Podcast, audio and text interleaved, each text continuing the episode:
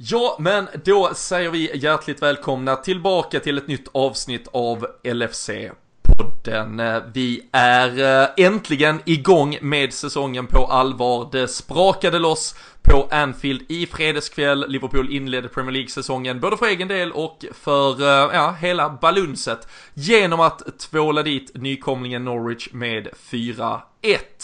Siffrorna kanske blev lite ja, mildare nästan än vad det såg ut att kunna bli ett tag. Det var ju framförallt en första halvlek och en urladdning från Liverpool som hette duga och visade mästartakter. Däremot en skada på Allison som eh, där och då satte skräck i en. Vi vet lite mer nu och vi ska såklart prata om hur det påverkar laget framöver i dagens avsnitt. Vi gör i vanlig ordning det här tillsammans med LFC.nu. Det är ju den officiella svenska supporterklubben och eh, det är där ni hänger med i eh, ja, nyhetsfloran som eh, ständigt omger vår fantastiska klubb. Väldigt många tävlingar och annat kul som är igång nu också. Och eh, medlemskapet eh, startar från bara några hundralappar och då kan man även få lite rabatter på Sam Dodds bland annat så man kan eh, fylla på garderoben nu här, kanske inför hösten, någon go tjocktröja eller annat nice för att förgylla supporterskapet där från sofforna varje vecka när det väl är Liverpool på tvn igen. Vi eh, rullar även på med våra tröjtävlingar som också Sam Dodds eh, hjälper oss med och eh, Andreas Grevendal tippar ruskigt snyggt i helgen här, eller i fredags. Eh, 4-1 satte han och eh, satte även Temo Pukki, så stort grattis till Andreas och Eh, ja, som om det inte vore bra nog att bara säsongen är igång, att allt detta händer, så ska det bli ännu bättre för jag ska nämligen få sällskap av Christian Andersson och Kalle Sundqvist. Vi drar igång det här första säsongsavsnittet nu när det verkligen är Premier League-säsong på allvar. Sätt er till rätta, njut av gingen så eh, kör vi igång.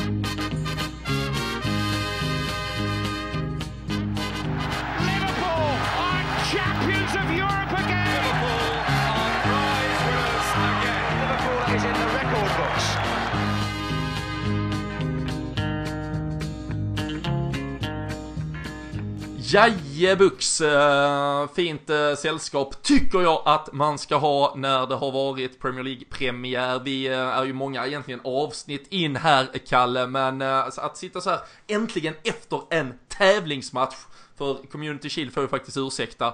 Det är lite extra, nu är vi tillbaka i gängorna och vet vad vi sysslar med, känns det som. Ja, det, det är lite annorlunda känsla att gå in i en tävlingsmatch. Eh, träningsmatcherna är ju, är ju vad de är. Det brukar oftast vara kul att bara se vart, eh, vart grabbarna står, men det är ju en annan femma när de kliver in i, i ligaspelet framför allt. Eh, så att eh, nu sitter man här iklädd eh, medlemstishan från Samdod så är lite extra poddtaggad. Så att det är, eh, en riktigt bra start på veckan och eh, säsongen får man väl säga.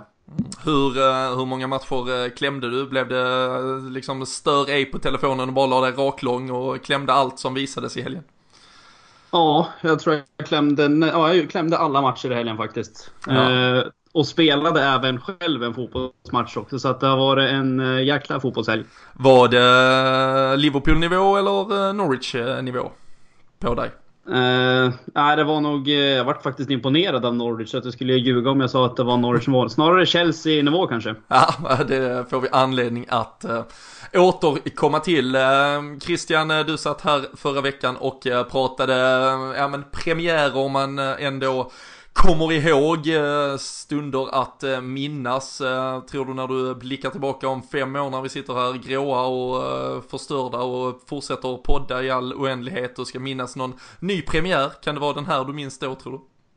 Det kan det vara. Det börjar ju väldigt bra så som det såg ut och, ja, och siffrorna och all den känsla som man tar med sig från det. Så att det kan mycket väl så att man blickar tillbaka om ett tag och känner att ja, Liverpool Norwich 1920 var en jävla premiär där. Så absolut, jag tänker att det kan vara en skön match att blicka tillbaka på. Jag kan ju ge er en eh, stats som är, eh, som egentligen inte har med Liverpool att göra, men har ändå med premiärmatchen. Eh, Temo Pukki, han har alltså, de åtta senaste säsongerna har han gjort mål på sitt första skott på mål. Han är fan eh, het i premiärmatch. För det här är ju något vi skulle ha suttit på inför match såklart ifall vi eh, ville känna oss en hacka. Men att Liverpool släpper in ett premiärmål mot eh, Temo Pukki behöver de helt enkelt inte skämmas eh, allt för mycket över. Annars Kalle så var det ju en eh, spelare i vårt lag som var den som satte offensiv ton och eh, vi hade väl kanske räknat ut det på förhand men det blev Divock Origi som ersatte Sadio Mané längst fram. Även om det behövdes lite hjälp av Norwich-backen så får man ju ändå tillskriva 1-0 målet till hans, eh, ja, hans fortsatta legacy i Liverpool. Han bara gör det på uppstuds gång efter gång nu och eh, han börjar ju faktiskt mer och mer se ut som en vital del av åtminstone Liverpool-truppen. Ja, absolut. Och på tal om eh, bra målstatistik så gjorde väl han mål på alla tre skott han hade i, i Champions League förra året också. Så att han eh, inleder väl på samma sätt som han avslutade. Så att, eh, det, jag tycker att det är kul att han fortsätter tugga på. Han har ju blivit en riktig kultspelare i Liverpool nu banska, på, på kort tid. Så att kan han börja leverera tidigt nu som han har gjort i början på säsongen så tror jag att det kan det kan nog bli en eh, mycket bättre säsong för Origi den här säsongen än vad han hade förra året. Och nu är han ju redan en legend. Så att det, det känns skönt också när man inte, att man inte behöver stressa in Mané. är. att man vet att Origi ändå håller, håller någon form av nivå. Han kommer ju bara bli bättre och bättre också. Sen, sen klart att man njuter lite extra när, när man får se den där fronttrion. Men nej, riktigt bra. Mm.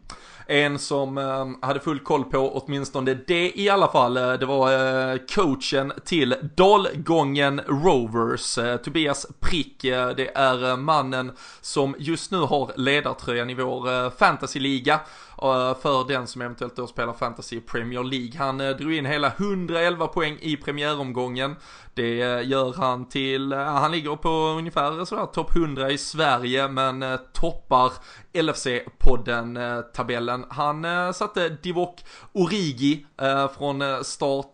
Det gjorde att han drog 12 poäng där. Han hade även Salah som kapten, Sterling Kane, ett par spelare som stack ut såklart i premiäromgången.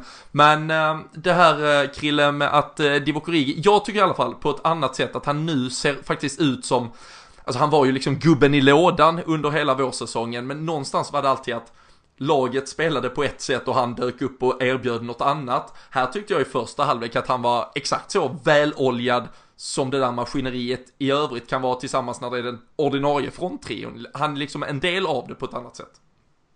Ja, det tycker jag. Det känns som att han har kanske hittat sin roll på ett sätt nu som tidigare var lite som du sa, lite oklart kanske för honom. Det kan vara en taktisk fråga eller vad som helst, eller liksom att han inte är ordinarie. Men det känns lite mer som att han har drillats in i det och kanske känner både med självförtroende och förtroende från, från Klopp också. Att han någonstans har, ah, vad ska man säga, klickat i sin roll och att han ändå känner att han har eh, friheten på kanten, han vet sina, eh, vad, vad, han kan erbjuda. Och det är lite annorlunda såklart jämfört med en Mané men jag tycker ändå att eh, mot Norwich nu att han såg pigg ut, han såg fräsch ut och Eh, han kom runt, runt, sin gubbe några gånger, han slog lite inlägg och det blev ju ett självmål av det också så att säga. Så han bidrog ju hela tiden med att vara ett störande moment där ute. Så att kan han fortsätta på den inslagna vägen och man kan låta kanske en Mané få vila lite till och komma i matchform så är det ju perfekt att ha en sån gubbe sen också som både kan starta matcher som givetvis också då som var ett fjärde val som man vet ändå kan komma in och göra skillnad och erbjuda någonting annorlunda men som ändå då har klickat i sin roll nu.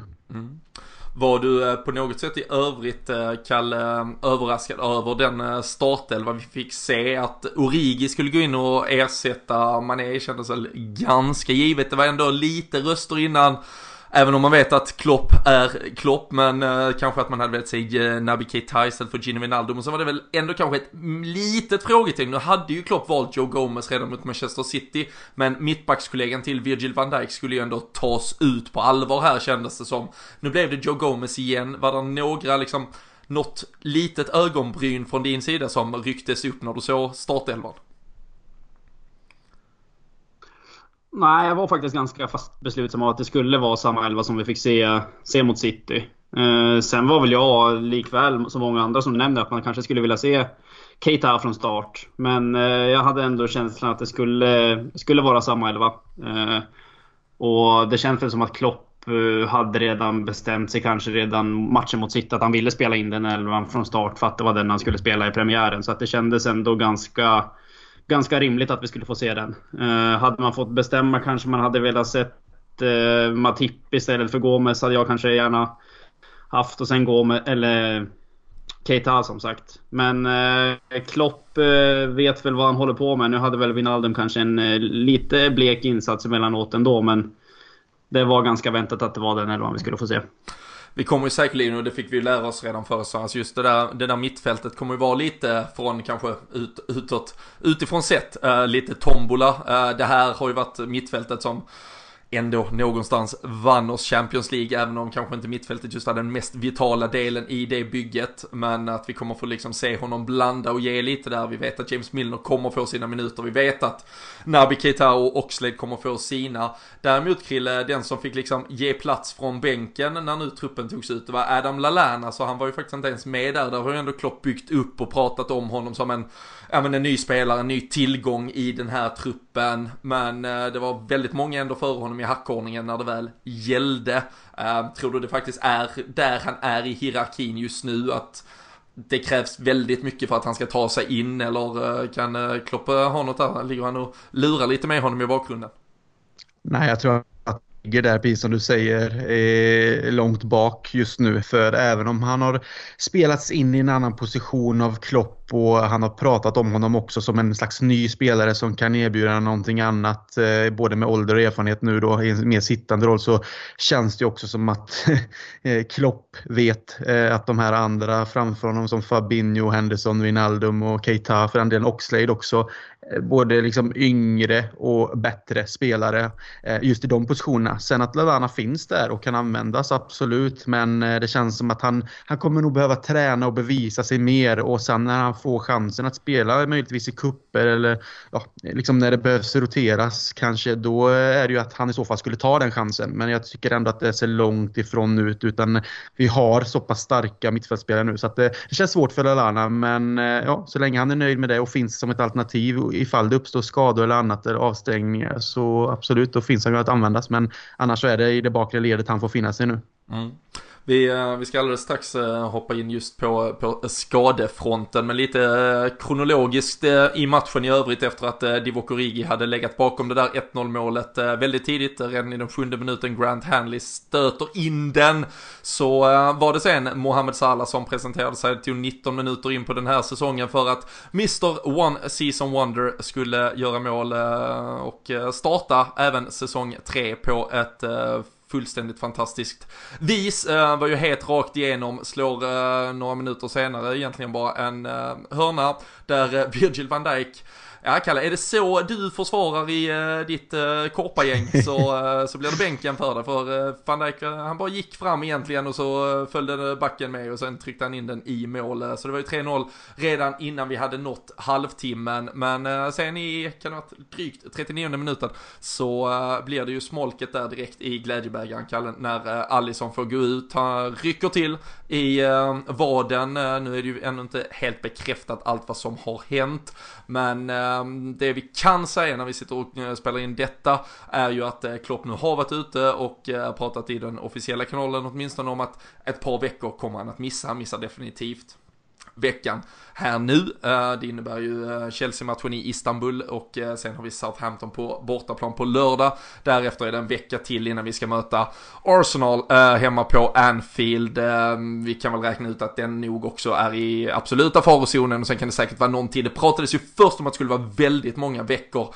Men Kalle, att få sin målvakt skadad 39 minuter in på säsongen, även om vi inte där och då visste hur allvarligt, visste man ju någonstans, det blir ju ett par matcher här, det ser man. Um, tog det bort något från uh, premiär, uh, liksom partyt som det ändå ska vara annars? Ja, det är väl den enda skuggan över matchen egentligen att, då, eh, att Alisson får kliva ut. Och ironiskt nog så satt de ju redan i studion innan matchen och diskuterade vilken spelare Liverpool absolut inte fick tappa eh, på en skadelista. Då var ju Alisson absolut en av toppkandidaterna där. Så att det, det är klart att det är jäkligt surt att liksom tappa han så här direkt, direkt in på säsongen. Och märkligt nog så är det ju de där skadorna egentligen där det inte är någon form av direktkontakt eh, som brukar kunna vara de som är liksom mest eh, ödesdigra. Det är ofta de som, som tar längst tid att läka av någon eh, konstig anledning. Nu är man inte så inläst på anatomi och fysiologi, men eh, det finns väl någon anledning till det också. Så att det är klart att det är jäkligt, eh, jäkligt segt att han är borta. Men eh, som, eh, som du nämnde så tror inte jag heller att det är så extremt eh, långt borta ändå. Eh, från att ha talats om eh, månader till, eh, till veckor så tycker jag ändå att det känns eh, lite, lite bättre än vad det gjorde för någon dag sedan. Så att eh, Adrian fick komma in i, in i hetluften på en gång så att det blir kul att se vad han, eh, vad han går för också. Mm. Och eh, skratta bäst som eh, skrattar sist där efter att eh, Sim Simon Mignolet hade stått på Alchemist och eh, vägrat ta bild med dig Kalle. Nu jävlar fick han, så han teg. Ja, det eh, fanns nog någon mening med det också misstänker jag. ja, det är, ju, det, är ju ödets ironi. Där sitter han och gnuggar bänk i ett och ett halvt år. Först från att ha petats av Karius. Sluttampen av eh, 2017-2018, hela 18-19 sitter han ju bakom Allison. Eh, han får till slut i stort sett på Ja, men i de eh, sista skälvande minuterna, åtminstone dagarna på transferfönstret här så får han grönt ljus att lämna, återvänd till Belgien för att liksom få fart på din karriär igen.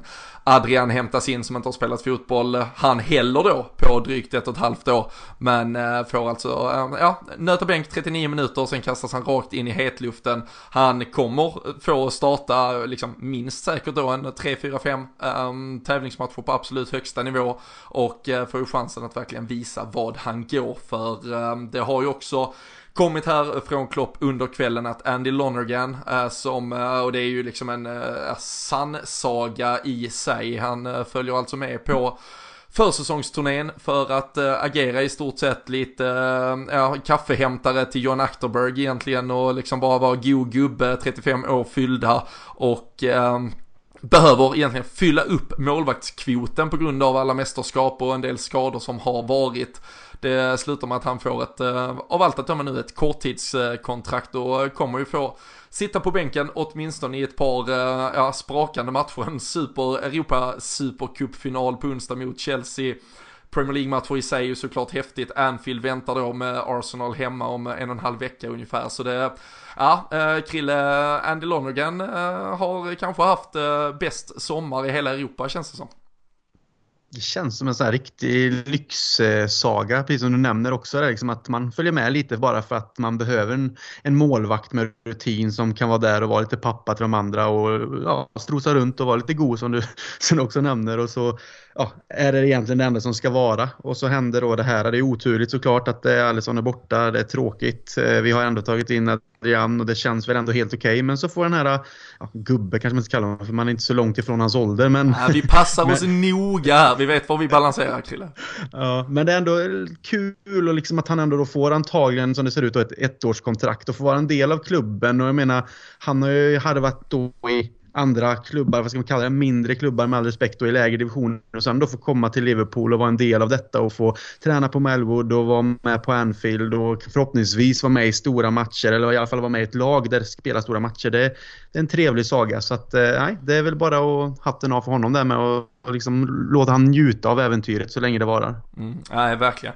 Vi ska säga det, jag tror inte det är bekräftat alls att det kommer vara ett årskontrakt. Det, det var nog de första ryktena som eh, cirkulerar lite beroende okay. på hur eh, lång eh, skadan kommer vara. Det som, nu är det bara ett korttidskontrakt så kan man väl lägga in värdering själv i det om det är tre månader, ett halvår eller ett år eller vad det exakt blir. Vi vet ju inte heller då hela omfånget kring Allisons skada, men han kommer säkert ha någon form av i alla fall löpande här så att han eh, sitter och eh, bevakar situationen fram till att Allison eh, är tillbaka. Men det, det hade ju eh, nästan som eh, den där kvällen i eh, Blackburn när Donny fick starta. Han var ju andra till Peperena där och sen så går han i så för rött kort och så blir det Brad Jones som hoppar in och kniper en straff och allt annat är ju bara liksom saga och tårar i stort sett kring allting. Det kan ju bli Andy Lonergan in nu här mot Chelsea på onsdag efter att Adrian har tagit ett rött kort eller något och så kniper han tre straffar i straffläggningen. Då, ja, Scenerna. Då får han ett årskontrakt. Ja, ja, herregud. Scenerna, då, då kommer vi se uh, Jocke Lundberg, han är ju på plats uh, i Istanbul, han kommer rasa ner från uh, hela Vodafone Park heter det väl arenan där tror jag. Så det, nej, uh, häftig historia som sker då bakom kulisserna till trots för allt det som såklart är otroligt tråkigt kring Allison. Du var inne på det här Kalle med att de pratar inför matchen om viktiga spelare. Nu ponera att det liksom, hade det varit ett år så tycker jag att någonstans då, då får man ju väga in så otroligt mycket mer. Men en spelare man ska vara utan, om vi leker med att det är max då 4-6 veckor, det är ett landslagsuppehåll som gör att vi kommer tillbaka till exempel i September är det väl, eh, 14 mot Newcastle kommer vi tillbaka efter ett uppehåll. Han skulle kanske teoretiskt kunna vara tillbaka där någon gång. Eh, om det är de, eh, liksom den tidsaspekten vi har framför oss nu, är liksom Allison en av de absolut värsta eller hade man, klarar man sig hellre utan honom än kanske van Dijk eller Sala eller någon annan som kanske bara på fyra matcher sikt inte påverkar det stora hela så mycket? Ja, svårt att säga, men nu, det känns som att nu när vi står framför det faktum att han är borta eh, så känns det väl kanske lite mer förlåtande, även om han är världens bästa målvakt, att det är han som är borta än att låt oss säga Salah skulle vara borta. Eh, vi kommer göra ett visst antal mål varje match och jag har svårt att tro att bara för att Alisson är borta så kommer vi släppa in 3-4 per match. Så att jag, jag tror ändå att vi kommer ha någon form av eh, skaplig pluskvot ändå om man ser till, till målskillnaden även om han spelar eller inte. Så att ur den eh, aspekten så känner jag mig inte superorolig egentligen måste jag säga. Eh, sen är det klart att man hellre har, har han. Det vore ju urbota dumt att sitta och säga att man skulle vilja se Adrian från start. Eh, men jag känner mig ändå någorlunda optimistisk faktiskt måste jag säga. Mm det är såklart, allting utgår ju fortfarande från att det, det är liksom inom rimlighetens eh, gränser här då, kanske då en 4, 5, 6 veckor. Eh, skulle det ha varit ett år helt plötsligt så, så vet vi ju hur eh, avgörande en målvakt kan bli på den långa säsongen ah, ja. och, och då är det såklart en helt annan historia. Men eh, för Adrian också, eh, Andy Lonergan, en, en saga i sig, men Adrian såklart eh, väldigt speciellt. Fick ett otroligt fint mottagande av Anfield när han kom in ganska rolig grej. Han la ju upp ett klipp på det sen på sina egna sociala medier, men då blev det blockat för han, för han hade inte tillåtelse att använda Liverpools material, så sen fick han retweeta via Liverpool istället. Klubben och deras varumärkesskyddande hade krävt en podd för sig just nu, men lite sådär ödet, eh, någon form av ironi i det hela i alla fall. Men eh, han eh, kunde inte hålla helt tätt Adrian där, eh, Christian. Jag var inne på att Temo Pukki är eh, en spelare som uppenbarligen gör mål i premiär och helst med sina första skott dessutom. Ett skott som svepte rakt upp i ribban också. men annars, ehm, din känsla, delar du den med att han nog bör kunna komma in och fylla de här skorna och handskarna ett par veckor? Det tror jag nog ändå. Och förhoppningsvis med ett försvar som stabiliserar upp sig med en van Dijk som är ledare där och att det liksom någonstans att det är de som kanske tar ett större ansvar för att Adrian ska få en ja, vad ska man kalla det, en slags lugn inskolning med att han ska känna sig trygg i sin roll för då tror jag att de ger trygghet till varandra. Eh, för att kan vi någonstans ändå sätta försvaret, nu såg det lite darrigt ut mot Norwich vissa stunder, de fick ju komma igenom och skapa en del chanser och sen kom ju även ett mål och eh, kan vi bara få ett försvar och någonstans leva upp till förra säsongens standard, eh, då tror jag också att Adrian kommer vara målvakt som absolut kommer kunna fylla skorna under den perioden som det krävs. Men det som du sa också Robin innan, att hade det varit en längre längre tid, alltså så vi pratar om ett halvår, ett år och Alisson borta, då precis som du säger så vet vi hur viktig en sådan världsmålvakt är när det kommer till eh, ja, räddningar, när det kommer till marginaler också. Vi såg ju att Alisson gjorde faktiskt väldigt fina räddningar under den tiden han var inne, eh, som var riktiga klassräddningar. Eh, Så eh, nej, jag tycker mer kanske att det är mer upp till själva försvaret att någonstans stabilisera upp det, men då tror jag att det går hand i hand och att det blir ändå ett, eh, ett säkert försvar med Adrian som sista post och då är jag inte så orolig heller faktiskt. Nej. Kalle, du eh, var inne på det tidigt där när vi pratade lite laguttagning. Eh, Joe Gomez eller Joel Matip har ju varit en eh, ganska omtalad och het potatis. Vi la ut någon tweet efter matchen där folk gärna fick komma in med lite kommentarer och det var, det var direkt någon som liksom poängterade att Gomez inte riktigt ser helt redo ut. Han var ju första valet från start förra säsongen, var ju liksom en väldigt bidragande del i ett av eh, ja, men hela Europas bästa försvar där på hösten. Eh, Alisson släppte ju egentligen aldrig några mål kändes det som. Och eh, sen så fick han då sin skada mot Burnley, var borta länge, tog sig aldrig riktigt tillbaka ordinarie in i startelvan även om han växlade lite, lite då och då, fick ett par inhopp men det var ju Joel Matip som blev liksom van Dijks kollega där in i de sista avgörande skälvande sekunderna och liksom var den som eh, bar hem eh, pokalen från Madrid. Eh, nu är han tillbaka i mittförsvaret, det var lite svajigt mot Manchester City, då gjorde man ju ett byte, den gången var det Trent som gick ut, Gomes gick ut till höger, Matip in i mitten. Nu återigen så släpper vi faktiskt till ganska, eller faktiskt väldigt många chanser. Det var också, ska sägas, ett naivt och liksom konstant liksom återkommande anfallsorienterat Norwich. Ett annat, försvar, ett annat här uppstudsande nykomlingslag kanske hade känt efter 19 minuter, 2-0 i nacken att, äh vad fan, vi slår av på tempo, vi försöker bara hålla nere detta och så får det kanske bli 3-0 och så har man inte, matchen har varit lite status quo rakt igenom. De körde ju på det, vilket också gav oss väldigt många chanser att då ösa på och stänga matchen rent resultatmässigt i första halvlek. Sen öser de på igen i andra. Men vad tycker vi, är det liksom, har vi tappat ett par procent i försvarsarbetet och är det just Joe Gomez eller är det kollektivet som lite faller just nu? Jag tycker väl att det vore lite överdrivet att säga att det är enbart eh, Gomes egentligen. Det har väl sett darrigt ut delvis på försäsongen också måste man säga i försvaret. Eh, men sen, eh, sen är väl jag en av dem som, som tycker att alltså, det är klart Gomes var ju fenomenal hela hösten förra året fram tills han skadade sig precis som du nämnde. Men minnet har man ju ändå att eh, Matip mer eller mindre i många ögon nästan var bättre än van Dijk i slutet på förra säsongen. Och det tycker jag absolut inte att man ska glömma. Att de ändå var ett eh, jäkligt samspelt liksom, mittbackspar både i ligan och Champions League som var en bidragande orsak att vi, att vi tog oss dit vi tog oss förra säsongen och allt vad det innebar. Så att eh, i min värld tycker jag att det ska krävas att eh, Matip rent av ska spela bort sig innan Gomes ska gå in. Sen tycker jag såklart att Gomes är den långsiktiga lösningen. Men eh, man måste ändå tänka, tänka lite kortsiktigt också. Och då tycker jag faktiskt att Matip eh, i alla fall min gubbe tills han eh, bevisar motsatsen. Mm. Tror du att eh, målvaktsfrågan här nu när det ändå blir ytterligare en dimension av ja, procentuell osäkerhet i och med att det är Adrian som går in, att det återigen skulle liksom kunna tala till en fördel med Matip, att man, man vet vad den där fyrbackslinjen gav under slutet av förra säsongen och att ja, fan, då återinstallerar vi den i alla fall så får vi liksom ja, försöka kompensera procenten på det hållet.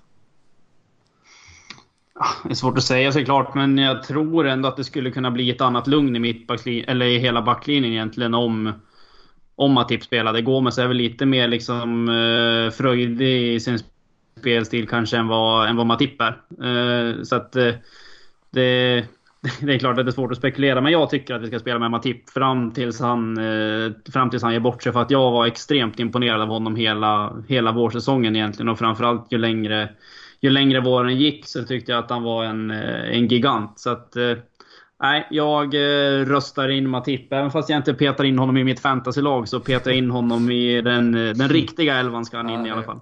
Du har nog med huvudbry med tanke på att du sitter på Allison har man ju scoutat. Så där har du lite att jobba med och coacha upp lag C senior till högre höjder. ja, det Finns att jobba på. Finns att jobba på. Eh, så eh, nej, så, eh, så är det med den saken. En annan mittback som då utanför plan just nu river ner lite rubriker är Dejan Lovren eftersom att, som alla säkert vet, det italienska och egentligen övriga Europa vad gäller transferfönster fortfarande har öppet och det kom lite uppgifter från ändå halvinitierade källor från Merseyside att Liverpool kan tänka sig att släppa släppa denna kroatiska mittback och kanske i eh, truppen framförallt eh, numera liksom känd och erkänd som eh, Mohamed Salahs bästa kompis och det känns ju nästan viktigare än vad han kan prestera på planen. Men Christian, känns det inte som att vi bantar truppen ännu mer och liksom för mycket om vi skulle gå med på att sälja DN Lovren, även om det skulle kunna ge en 15-20 miljoner pund på kontot. Jo, eh, jag tycker inte att vi ska sälja honom nu när eh, fönstret har stängt och vi inte har chansen att ta in en ersättare. Det är en annan grej om klubben kanske tänker att ja, vi kan sälja honom nu och sen kommer januari och där har vi redan ett mål typ klart om man ska se det så att de ser det kortsiktigt på det sättet. Men jag tycker att det känns som en risk om man skulle sälja honom nu och känna då att skulle en skada komma på van Dijk, Gomes eller Matip med här, för jag håller med Kalle i det han säger också. Jag tycker Matip under, eh, ja, under delen av förra säsongen när han fick spela efter att Gomes gick sönder så var han fenomenal och han växte hela tiden egentligen och var till slut på samma nivå som van Dijk om inte bättre i vissa matcher. Så att eh, skulle vi få en skada på någon av de som ändå var så pass starka och vi hoppas kunna, att de ska kunna fortsätta på den vägen, då blir det lite jobbigt. Och vi vet ju liksom inte heller då liksom eh, vad man kan förvänta sig heller om det är så att det uppstår sånt. Och då tycker jag att våran trupp där bak blir lite tunn. Jag tycker hellre att vi ska sitta lite lugnt i båten och använda det vi har och veta att det finns där om, om skada eller avstängning uppstår. Däremot kommer ett januarifönster och man har redan någon eh, ja, i sikte. Och då kanske jag liksom sälja bort Lovren till de här klubbarna om det är så att man någonstans kan hitta en, en lösning. Det är en annan fråga. Men just nu tycker jag att det vore dumt att göra sig av med fler spelare. Ja, nej, det, jag kan väl slå ner eh, spiken helt och hållet där. Det vore fullständigt idiotiskt att sälja honom nu. Ehm, visst, i någon vågskål skulle det väl kunna ligga att eh, Klopp skulle ha varit eh, otroligt imponerad av Sepp van den Berg. Vi har ju sett att han liksom inkluderas i A-truppen, men att ha en 17-åring som aldrig har liksom gjort en minut i en uh, högoktanig Premier League-match och att han ska kunna vara ett alternativ när vi dessutom redan vet att Joe Gomez faktiskt är en backup till ehm, Trent Alexander-Arnold med tanke på att Nathaniel Klein är borta så eh, skulle vi vara nere på egentligen tre ordinarie, alltså om man säger etablerade A-lags mittbackar och egentligen bara ja, en vardera på kanterna vad gäller etablerade ytterbackar. Eh, det är ju Jesse LaRusi och och eh, egentligen James Milner då som kan eh, stötta upp eh, var, var som helst egentligen som är kvar där sedan Kleins skada. Så nej, vi, vi måste såklart hålla på de huvuden vi, vi nu har kvar och jag tror väl att så blir fallet. Det mm, skulle överraska mig väldigt mycket. Ehm, jag tror samtidigt att klubben alltså jättegärna vill göra den dealen och som du är inne på i januari kanske det är alltid en svår månad för att göra dem. Annars nästa sommar förhoppningsvis så trivs ändå den lovaren tillräckligt bra och förhoppningsvis känner han väl en känsla av att han bör kunna få lika bra kontrakt nästa sommar. Um, men um, klubben måste, även om Klopp, det är ju kanske liksom hans sämsta egenskap, det är ju att han faktiskt ser väldigt mycket till liksom spelarnas eh, individuella utveckling, eh, var de vill vidare. Vi visste, eh, det var lite som när han lånade ut Klein eh, i, eh, i januarifönstret till exempel. Han ville ändå se till att han fick sina minuter i Premier League, han tyckte han förtjänade. Istället för att man kunde varit egoistisk och bara liksom, nej du ska sitta här på bänken tills egentligen eh, Trent bryter benet, gör han inte det så kommer du inte få en minut. Jag tycker lite samma sak går att applicera på Dejan Lovren just nu, att nej du kommer inte få spela Kanske i eh, ligacupen, FA-cupen kan vi också återkomma till lite hur eh, det har uttalats nu då att eh, Liverpool ska fokusera på de kupperna. Men vi kan inte banta truppen mer än vad den, vad den redan är nerbantad. Nu är det fokus på att vi som har suttit och druckit öl hela sommaren ska banta och inget annat känns det känns det som helt enkelt. Men premiären är i alla fall ur världen. 4-1 blev till slut resultatet. Vi tog det kronologiskt fram där till eh, 3-0. Sen var det ju Divock Origi som då gjorde sitt riktiga, sitt egna mål där. Fantastiskt framspelad av Trent Alexander-Arnold och eh, det där inlägget Kalle, hade vi, eh, där hade vi fan koll på att det skulle komma efter att ha sett honom stå och nöta det till sina brussor framför Annie Road i typ en timme efter säsongsepilogen mot Wolverhampton.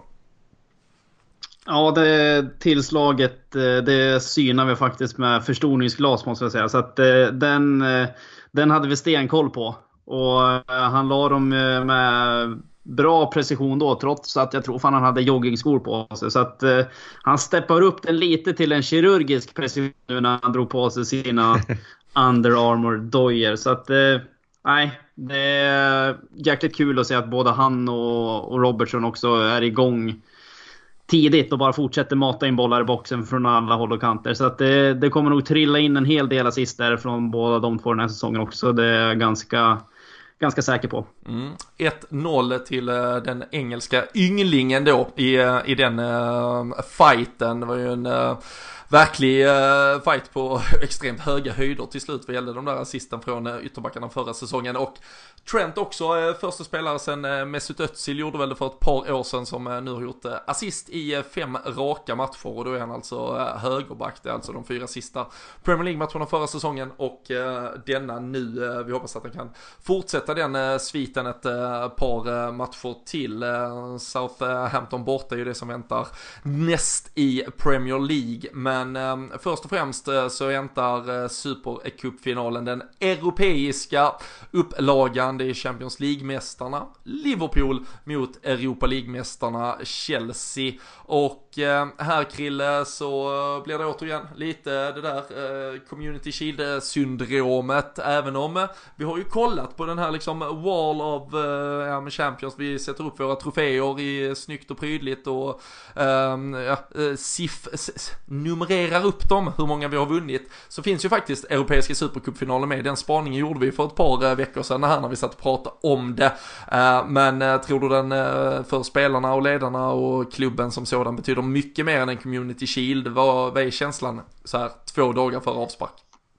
Känslan är ändå att det betyder eh, betydligt mer än en Community Shield just för att det är en europeisk trofé. Jag tror även att spelarna suktar mer efter det kanske. Att det liksom, för det första då, vi kan numrera upp ytterligare en om det skulle vara att vi vann på väggen. Eh, och sen så tror jag att det är känslan liksom att slå då, i det här fallet Europa League-vinnare då som Chelsea, liksom att man tar ytterligare och bevisa sig i Europa även om man är Champions League-vinnare med allt vad det innebar, innebar såklart så är det så att man då får chansen här att knäppa till Chelsea på näsan. Man slår Europa League-vinnaren och man får lyfta en trofé. Jag tror, att, jag tror att det skulle vara viktigt, precis som egentligen att man hade velat lyfta Community Shield såklart just för att det är en pokal. Men det känns ju inte som att det på något sätt är den är lika åtråvärd kanske för klubben som Supercup Eh, pokalen är. Så jag tycker absolut att man ska gå in med den här känslan att det är en europeisk trofé som man vill vinna och att vi går för det också för den delen. För att eh, det känner även jag att det skulle vara jävligt kul att se Liverpool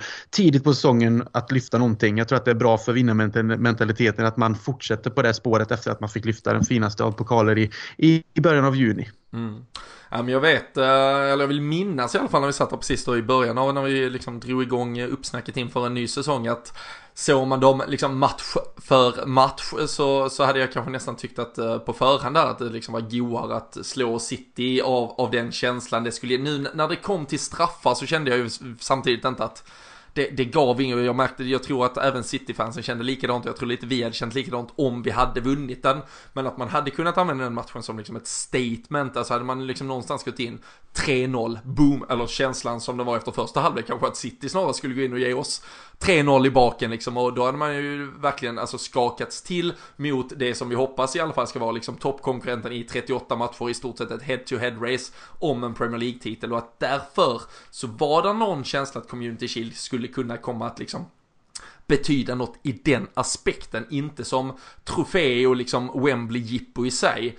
Däremot nu så känner jag väl att här finns det det finns inget så här, och vi måste slå Chelsea bara för att slå Chelsea, men det är ändå liksom, Europeiska Supercupen är trots allt en, liksom, en erkänd trofé av eh, Uefa, Fifa, vi eh, vet att våra ägare också tycker, vare sig vi vill det eller inte, liksom att det är viktigare att vinna när man är ute och syns och hörs och liksom det är mediapåslag på ett annat sätt. Och eh, även om Liverpool absolut inte inte gick för Community Shield-matchen så tror jag att man kommer eh, försöka gå för detta. Men det är inte sagt liksom att man gör eh, tio byten eller roterar liksom superstora delar av laget. Ehm, jag, eh, nej, jag tror vi vill hitta liksom en balans. Vi, vi behöver säkert göra ett par byten. liksom, det är fortfarande spelare som är inne i liksom hård matchning efter att ha precis kommit tillbaka så, så det är klart att eh, man måste hitta en nivå på allting. Men eh, känslan här är att vi vill vinna den här trofén och eh, Kalle efter att man hade sett Chelsea på Old Trafford igår så, så känns det ju inte som att det finns någonting som tyder på att vi inte bör kunna lösa det också om vi bara kommer upp i en normal kapacitet. Nej, det, det ska man väl helt säga. Eh, jag tycker Chelsea, om man ska bara fokusera på dem i och med att det är de vi möter nu, så gör väl de en ganska bra start på matchen egentligen. Tam Tammy Abraham har någon, eh, något skott i stolpen och Emerson drar någon i ribbkrysset. Men sen liksom fallerar det ju totalt egentligen. Så att Chelsea som lag är jag inte, inte ett dugg imponerad av faktiskt. Deras backlinje är ju en... Ja, den, den behöver man oroa sig för på riktigt om man är Chelsea-supporter tycker jag. För att Kurzuma är inte en eh, toppback i Premier League. Och sen har vi Christensen som också liksom sprider bollar omkring sig. Så att... Eh, går vi in och gör en någorlunda bra insats, precis som du säger, så är vi ju absoluta storfavoriter. Och jag tror även att Klopp kommer liksom lägga fokus på att vi ska vinna den här titeln. För att det, även fast det, det, man får ta det för vad det är, men jag tror att det betyder mer än vad, än vad många liksom hemma i soffan tror. Att man vinner Champions League, då vill man ändå följa upp det med att vinna vinna den här matchen och ändå liksom spä på att det här europeiska flödet och allt som det pratas om. Så att det, det är klart att det är så. Och eh, framförallt så vill man ju eh, vinna för eh, Jocke Lundbergs skull som är på plats. Eh, och det betyder ju såklart också att vi får en rapport därifrån på torsdag. Eh, match onsdag kväll som sagt. Så kör vi ett avsnitt till på torsdag så att ni får alla detaljer, händelser, insikter från, från den matchen, upplevelsen på plats i Istanbul.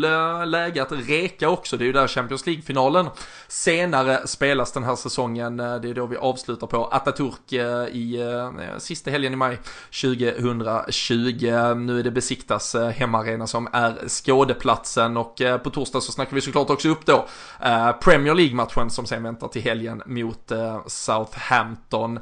Krille, det här med att eh, liksom eh, ändå försöka hitta någon form av eh, matchning här. Vi hade ju lite fördel, om säger i alla fall upp till den här matchen. Vi spelade fredag, Chelsea spelade söndag. Ehm, jag tycker man kan fylla på med det du är inne på, att faktiskt nästan hitta en liknelse i Chelsea och Norwich. Alltså det var extremt na naivt liksom offensivt, man bara körde på men sen vis, alltså så fanns det ju inte en kvalitet att bära upp det defensivt. Eh, vi straffade Norwich i första halvlek direkt vi fick chansen. United straffade ju Chelsea i andra halvlek där de egentligen bara smattrade till med tre snabba, eh, dödade matchen eh, såklart på alla sätt och vis och Frank Lampard fick en mardrömsstart. Men när Klopp nu ska liksom fnula och ja, ändå få till det här Krille. Sadio Mané som nyss var tillbaka, han fick ju ett par minuter trots allt. Han bytte ju av Divock Origi. Men eh, hur tror du han tänker på liksom, ja, balansera det här med hitta ett lag som är bra nog för att vinna, hitta någon som ändå behöver vila, Premier League bara tre dagar senare och så vidare. Eh, känsla är väl någonstans kanske att vi gör några rotationer och ja, en Matip till exempel får komma in och kanske även en Milner på mittfältet. Eh, och att Origi ändå får fortsätta där framme eh, sett till vad han uträttade mot Norwich. Så att Mané kanske kommer in då från bänken antagligen. Det är lite det jag känner. Så, eller vore i alla fall vettigt kanske från min sida. Klopp kanske tänker helt annorlunda. Men jag tänker att det är matchen igen bara några dagar efter. Och vi vet ju hur viktig Premier League är för oss. Och även om vi är favoriter tillsammans med City att eh, ja, ta den här kampen igen säsongen ut så vet vi det att åker vi ner till Southampton och liksom inte är starka så kan det straffa sig även om vi har den kvaliteten som vi har. Så att för mig är liksom på ett sätt känns det som att vi ska kunna vara starka mot Chelsea i Supercup eh, finalen också, fast vi roterar lite för att också då kunna gå ut med starkaste bästa lag mot Southampton lite senare. Så att, eh, för mig blir det ändå lite rotationer att vi tänker på det sättet. Mm. Senast vi åkte, nu, nu hoppar jag ju ett, ett steg här i matchningen, men eh, senast vi åkte ner på sydkusten och mötte Southampton, Kalle, då eh, gjorde Naby Keita mål, han startade. Sen vet vi att Jordan Henderson byttes in och gjorde mål. Uh, men uh, tror du det liksom, skulle Naby Keita, är det något man håller på? Finns det det där tänket att uh, han passar bra i den matchen förra året, så vi sparar han till lördag? För annars känns det ju upplagt kanske att man roterar in, ska vi säga åtminstone Keita och Milner kanske mot Henderson, Wijnaldum, man byter in Matip mot Gomes, låter Origi fortsätta. Man gör då tre, fyra byten och så har vi en frisk eh, Mané till helgen istället. Eller eh, tror du han tänker annorlunda med liksom var man kan hitta någon formtopp i spelare och så vidare? Ja, du har ju lagt hela pusslet här nu, det hör jag ju redan. Eh, det, var ganska, det, var, det var inte en öppen fråga. Men, nej, jag, vågar, jag vågar ju inte säga något annat nu. Nej, uh, nej men det, det, jag, jag, tror inte att man tänker att den spelaren hade en bra match mot dem förra säsongen. Det, jag tror inte det är någon form av huvudfokus, utan det ligger nog snarare i liksom eh, form, eh, alltså den aktuella formen respektive spelare har. Eh, men eh, jag tror ju också att det kommer roteras en del. Jag såg att Fabinho var väl i Monaco och roade sig lite grann. Så att det, jag vet inte om tanken är att han ska ha någon form av vila eller om han ska, ska spela från start. Så att det, det kommer roteras en del. Och i och med att jag satt och suktade efter Keita i, i fredags så vore jag väl dum om jag inte gör det nu igen. Kan, Sen, det, bli, kan det bli Adam Lallana som går in och spelar nummer 6? Nej, det hoppas jag verkligen inte att det blir. Eh, jag hoppas inte att det har tagit honom till, till den höjden. Ja, det finns ju en, eh, en kort liten livepodd som ligger ute från, eh, från Olivedal där och då, då tyckte Tobbe Hysén minsann att det var, det var bra att Lallana hade fått lite, ny, lite nytt färskt, lite ny färsk energi där på mitten. Alltså, han resonerar... Han, nya perspektiv på livet och det... ja precis, det var väl lite mer, det var bra att han fick prova att spela i en annan position för då kanske han blir bättre ja. i sin ordinarie position när han väl kommer tillbaka till verkligheten. Ja. Jag tycker det var en sund och omtänksam tanke mot en spelare som kanske inte alls hör hemma där han är just för tillfället. Det kanske var för att, att han inser att han är dålig där så att han är bättre på sin, sin riktiga position. Ja, han ska Men, vara i offensiv... För att svara på din fråga vad sa du Kalle? Ja, jag vet inte, jag tappade Nej. bort eh, både dig och mig själv här ja. ljudmässigt här ett tag. Ja. Så att, eh, vi slår väl fast att Naby Keita startar i alla fall då och att Adam Lallana inte startar. Mm. Nej, men då, eh, då säger vi väl att uh, gör vi ändå kanske tre byten på mittfältet, går ganska offensivt och spelar Naby Keita, James Milner och uh, Oxlade Chamberlain helt enkelt. Ja, taget. Ja. Vi uh, får se, det är ju Klopp som bestämmer till syvende och sist oavsett vad vi tycker. Eh, vi, eh, vi nämnde lite snabbt här eh, livepodd från Olivedal. Där ligger ju ett äh, halvtimme långt äh, smakprov, godbitar, ett par höjdpunkter. Även om äh, vissa saker också behövde censureras eller äh, klippas bort. Glenn Hussein var i hög form när vi hade honom på scen efter matchen. Det ligger som ett avsnitt här i er spellista så har ni inte hört det så tycker jag absolut att ni ska lyssna in det. Vi kan ju bara understryka och tacka återigen till alla som dök upp på Livedal där i samband med Community Shield-matchen. Eh, som vi såg tillsammans, eh, hade podd innan, under och efter match egentligen. Och eh, både då Tobbe och Glenn bjöd på god stämning, gott humör som vanligt. Och de bjöd då på lite godbitar och anekdoter också som fyllde ett avsnitt som ni kan lyssna in. Vi har ju träffar med Jamie Webster här nere i Malmö om några veckor och det händer mycket annat kul under hösten. Och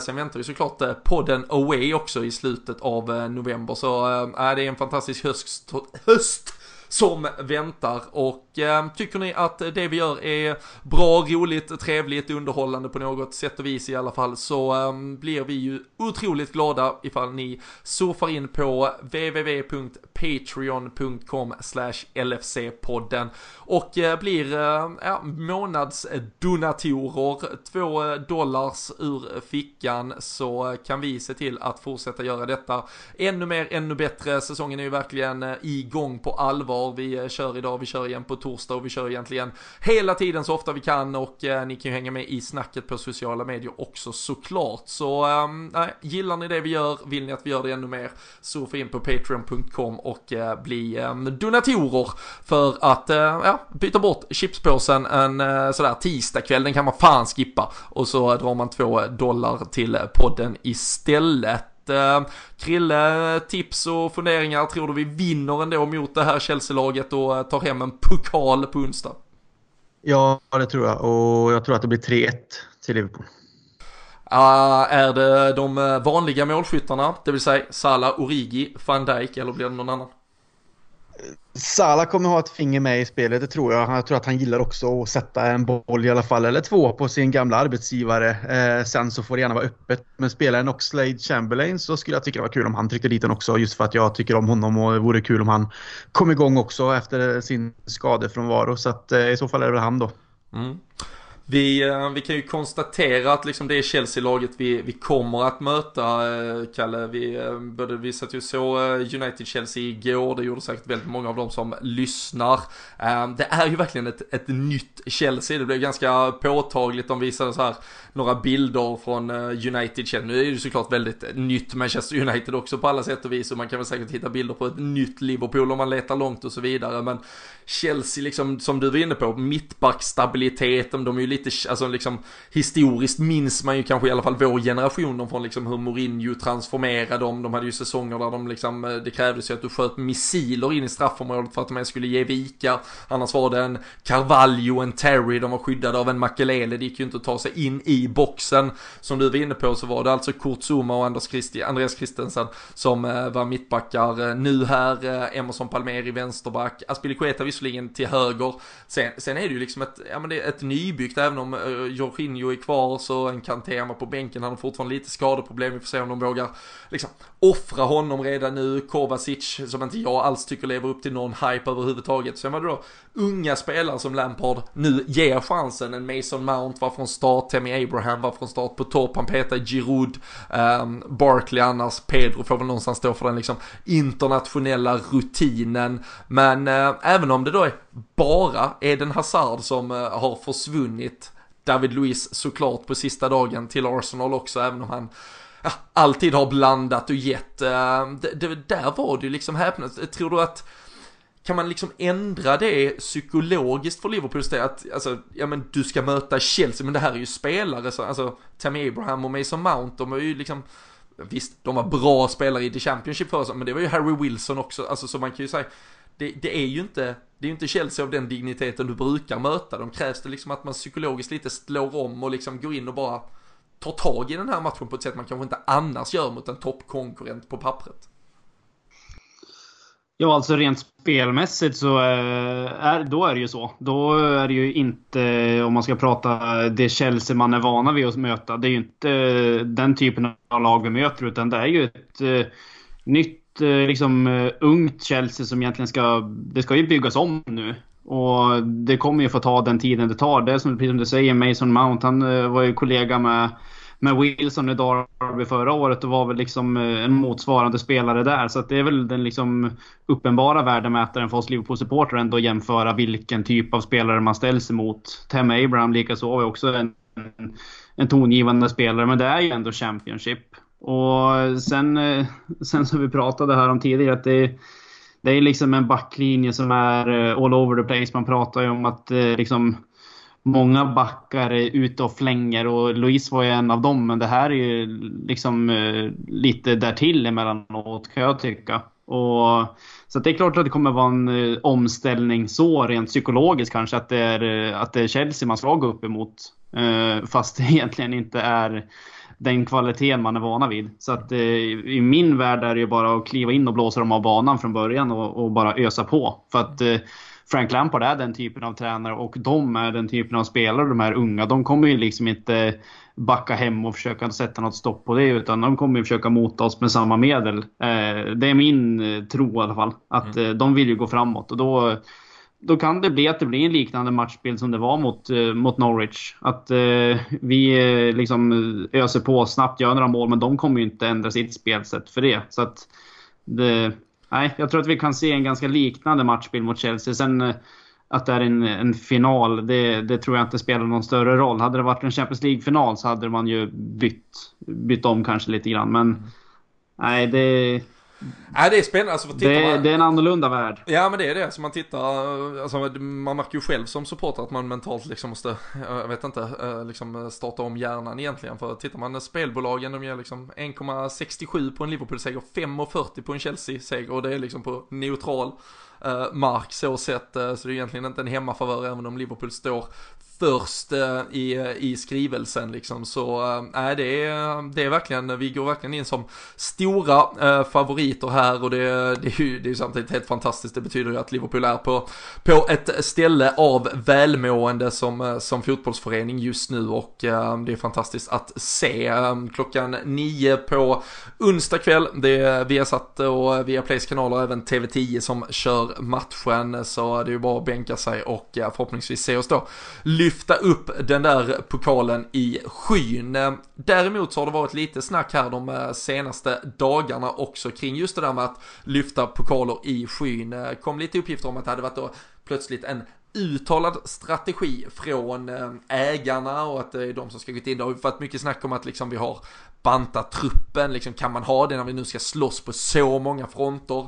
Många har ju pratat om så extremt många fler matcher och pekat på VM för klubblag, exempelvis den här matchen nu mot Chelsea ska man vara helt krass där så är det ju egentligen kanske bara 3-4 matcher extra och det är egentligen inte så, så himla mycket men då har ju folk kanske också vägt in att man skulle få ett långt liksom race i en ligacup, en FA-cup, någon av de här inhemska turneringarna där åtminstone engelsmännen gärna vill få FA-cupen att liksom andas lite av de där glory daysen när det var liksom the shit att vinna. Men eh, nu påstås det då att FSK har sagt att skit i FA-cupen, ligacupen.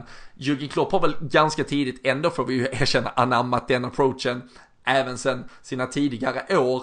Men Christian, om det nu skulle vara så att liksom klubben ja, men tar det aktiva beslutet. Det är Champions League, Premier League som gäller. Det där får du lämna till kidsen. Vi ska inte åka och skämma ut oss någonstans, men åker vi ut som förra året mot Wolverhampton i första omgången, fine, vi tar det. Vi brydde oss inte jättemycket.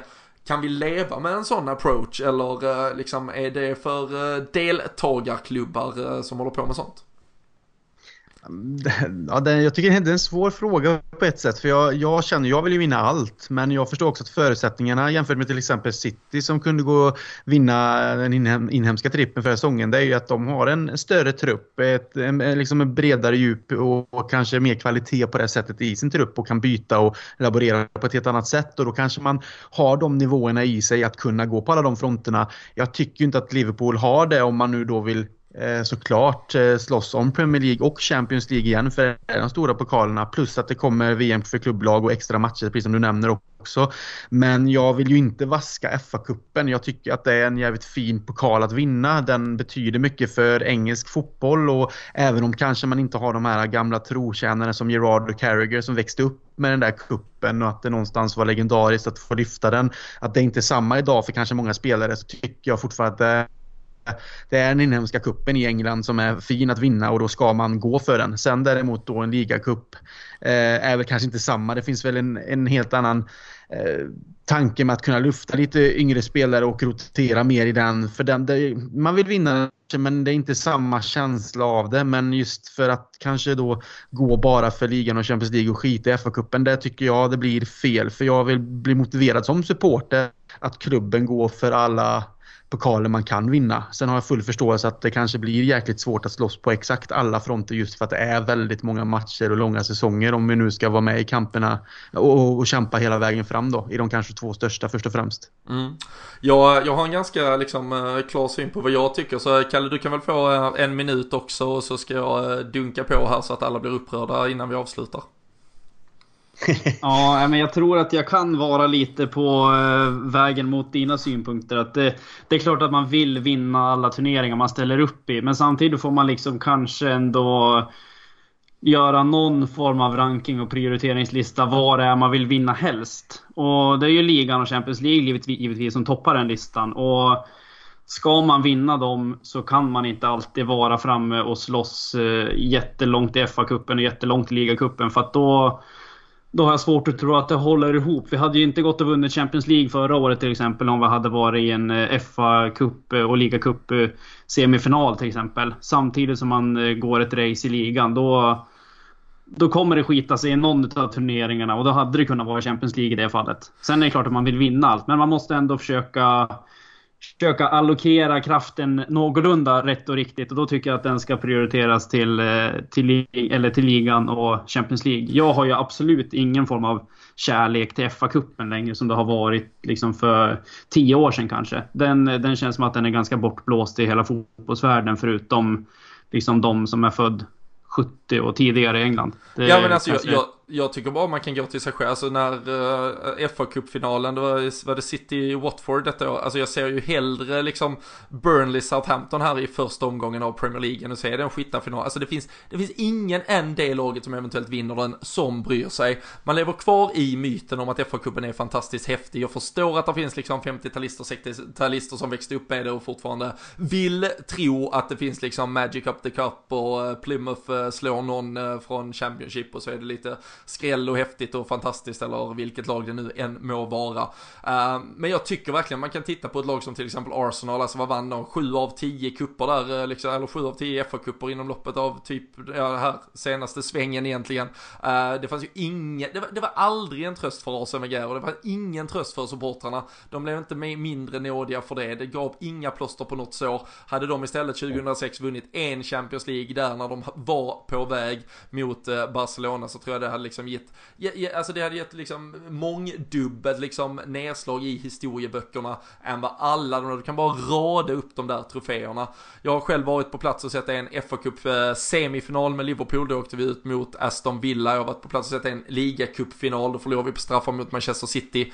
Ingen av de matcherna får mig ens att känna hälften så mycket som när jag sitter och liksom ser en åttondelsfinal i Champions League mot Porto. Um, man kan säkert då tycka olika, man får ju verkligen tycka olika, men jag tycker att går varje person till sig själv de kan sitta hemma och säga vi ska gå för allt och vad är det här för inställning. Men ingen supporter gör det själv. Jag tycker bara det är bullshit att man verkligen bryr sig om alla de här kupperna exakt lika mycket. Vi vill vinna Premier League. Det är liksom Liverpools primära mål. Det har varit i många, många år. Det kommer vara det tills den dagen vi vinner det. Sen är det Champions League. Liverpool är förknippat med liksom europeisk framgång vi är så otroligt kompatibla för den scenen. Vi gör det alltid fantastiskt bra. Jag tycker vi ska fortsätta göra det. Och jag tror om alla går till sig själv så vill man till och med hellre bara vara i ett Champions League-gruppspel just för att det ger en chansen att ens kunna vinna Champions League när väl säsongen avrundas än att vinna den där ligacupen. Den ger dig kanske sju minuter av glädje en kall februaridag.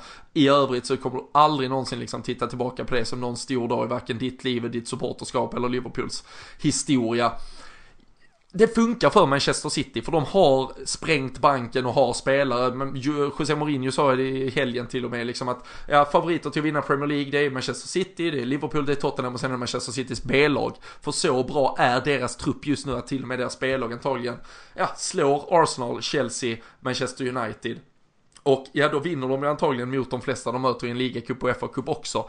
Vi har inte den ekonomin, vi har bestämt att vi kommer vara liksom självförsörjande, det ska liksom gå plus minus noll eller helst på plus till och med i slutändan. Och då blir det inte en trupp som liksom kan gå all in på fyra fronter.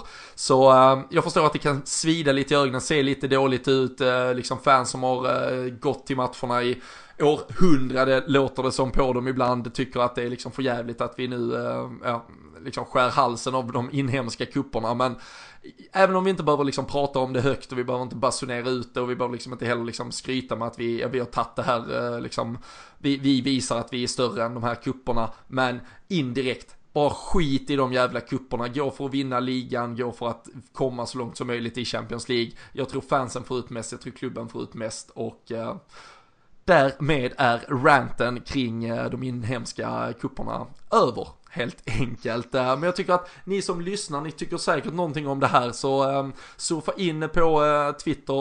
Eh, vi kan väl lägga upp en fråga ifall man tycker att man ska prioritera de inhemska kupperna så kan ni få rösta lite där och sen får ni gärna göra er röst hörd om ni tycker att jag är dum i huvudet eller om där kanske finns en liten, liten poäng i det ehm, vi, vi säger här ibland. Nu har vi passerat timmen, jag tycker vi har fått med det mesta. Premiären har gått av stapeln, säsongen är igång. Liverpool gjorde 4-1 på Norwich och på onsdag kan vi vinna en riktig europeisk skalp genom att slå Chelsea. Sen är vi tillbaka igen på torsdag. Tack för att ni lyssnar.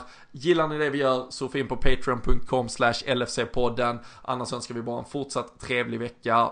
Tack så mycket, ha det fint.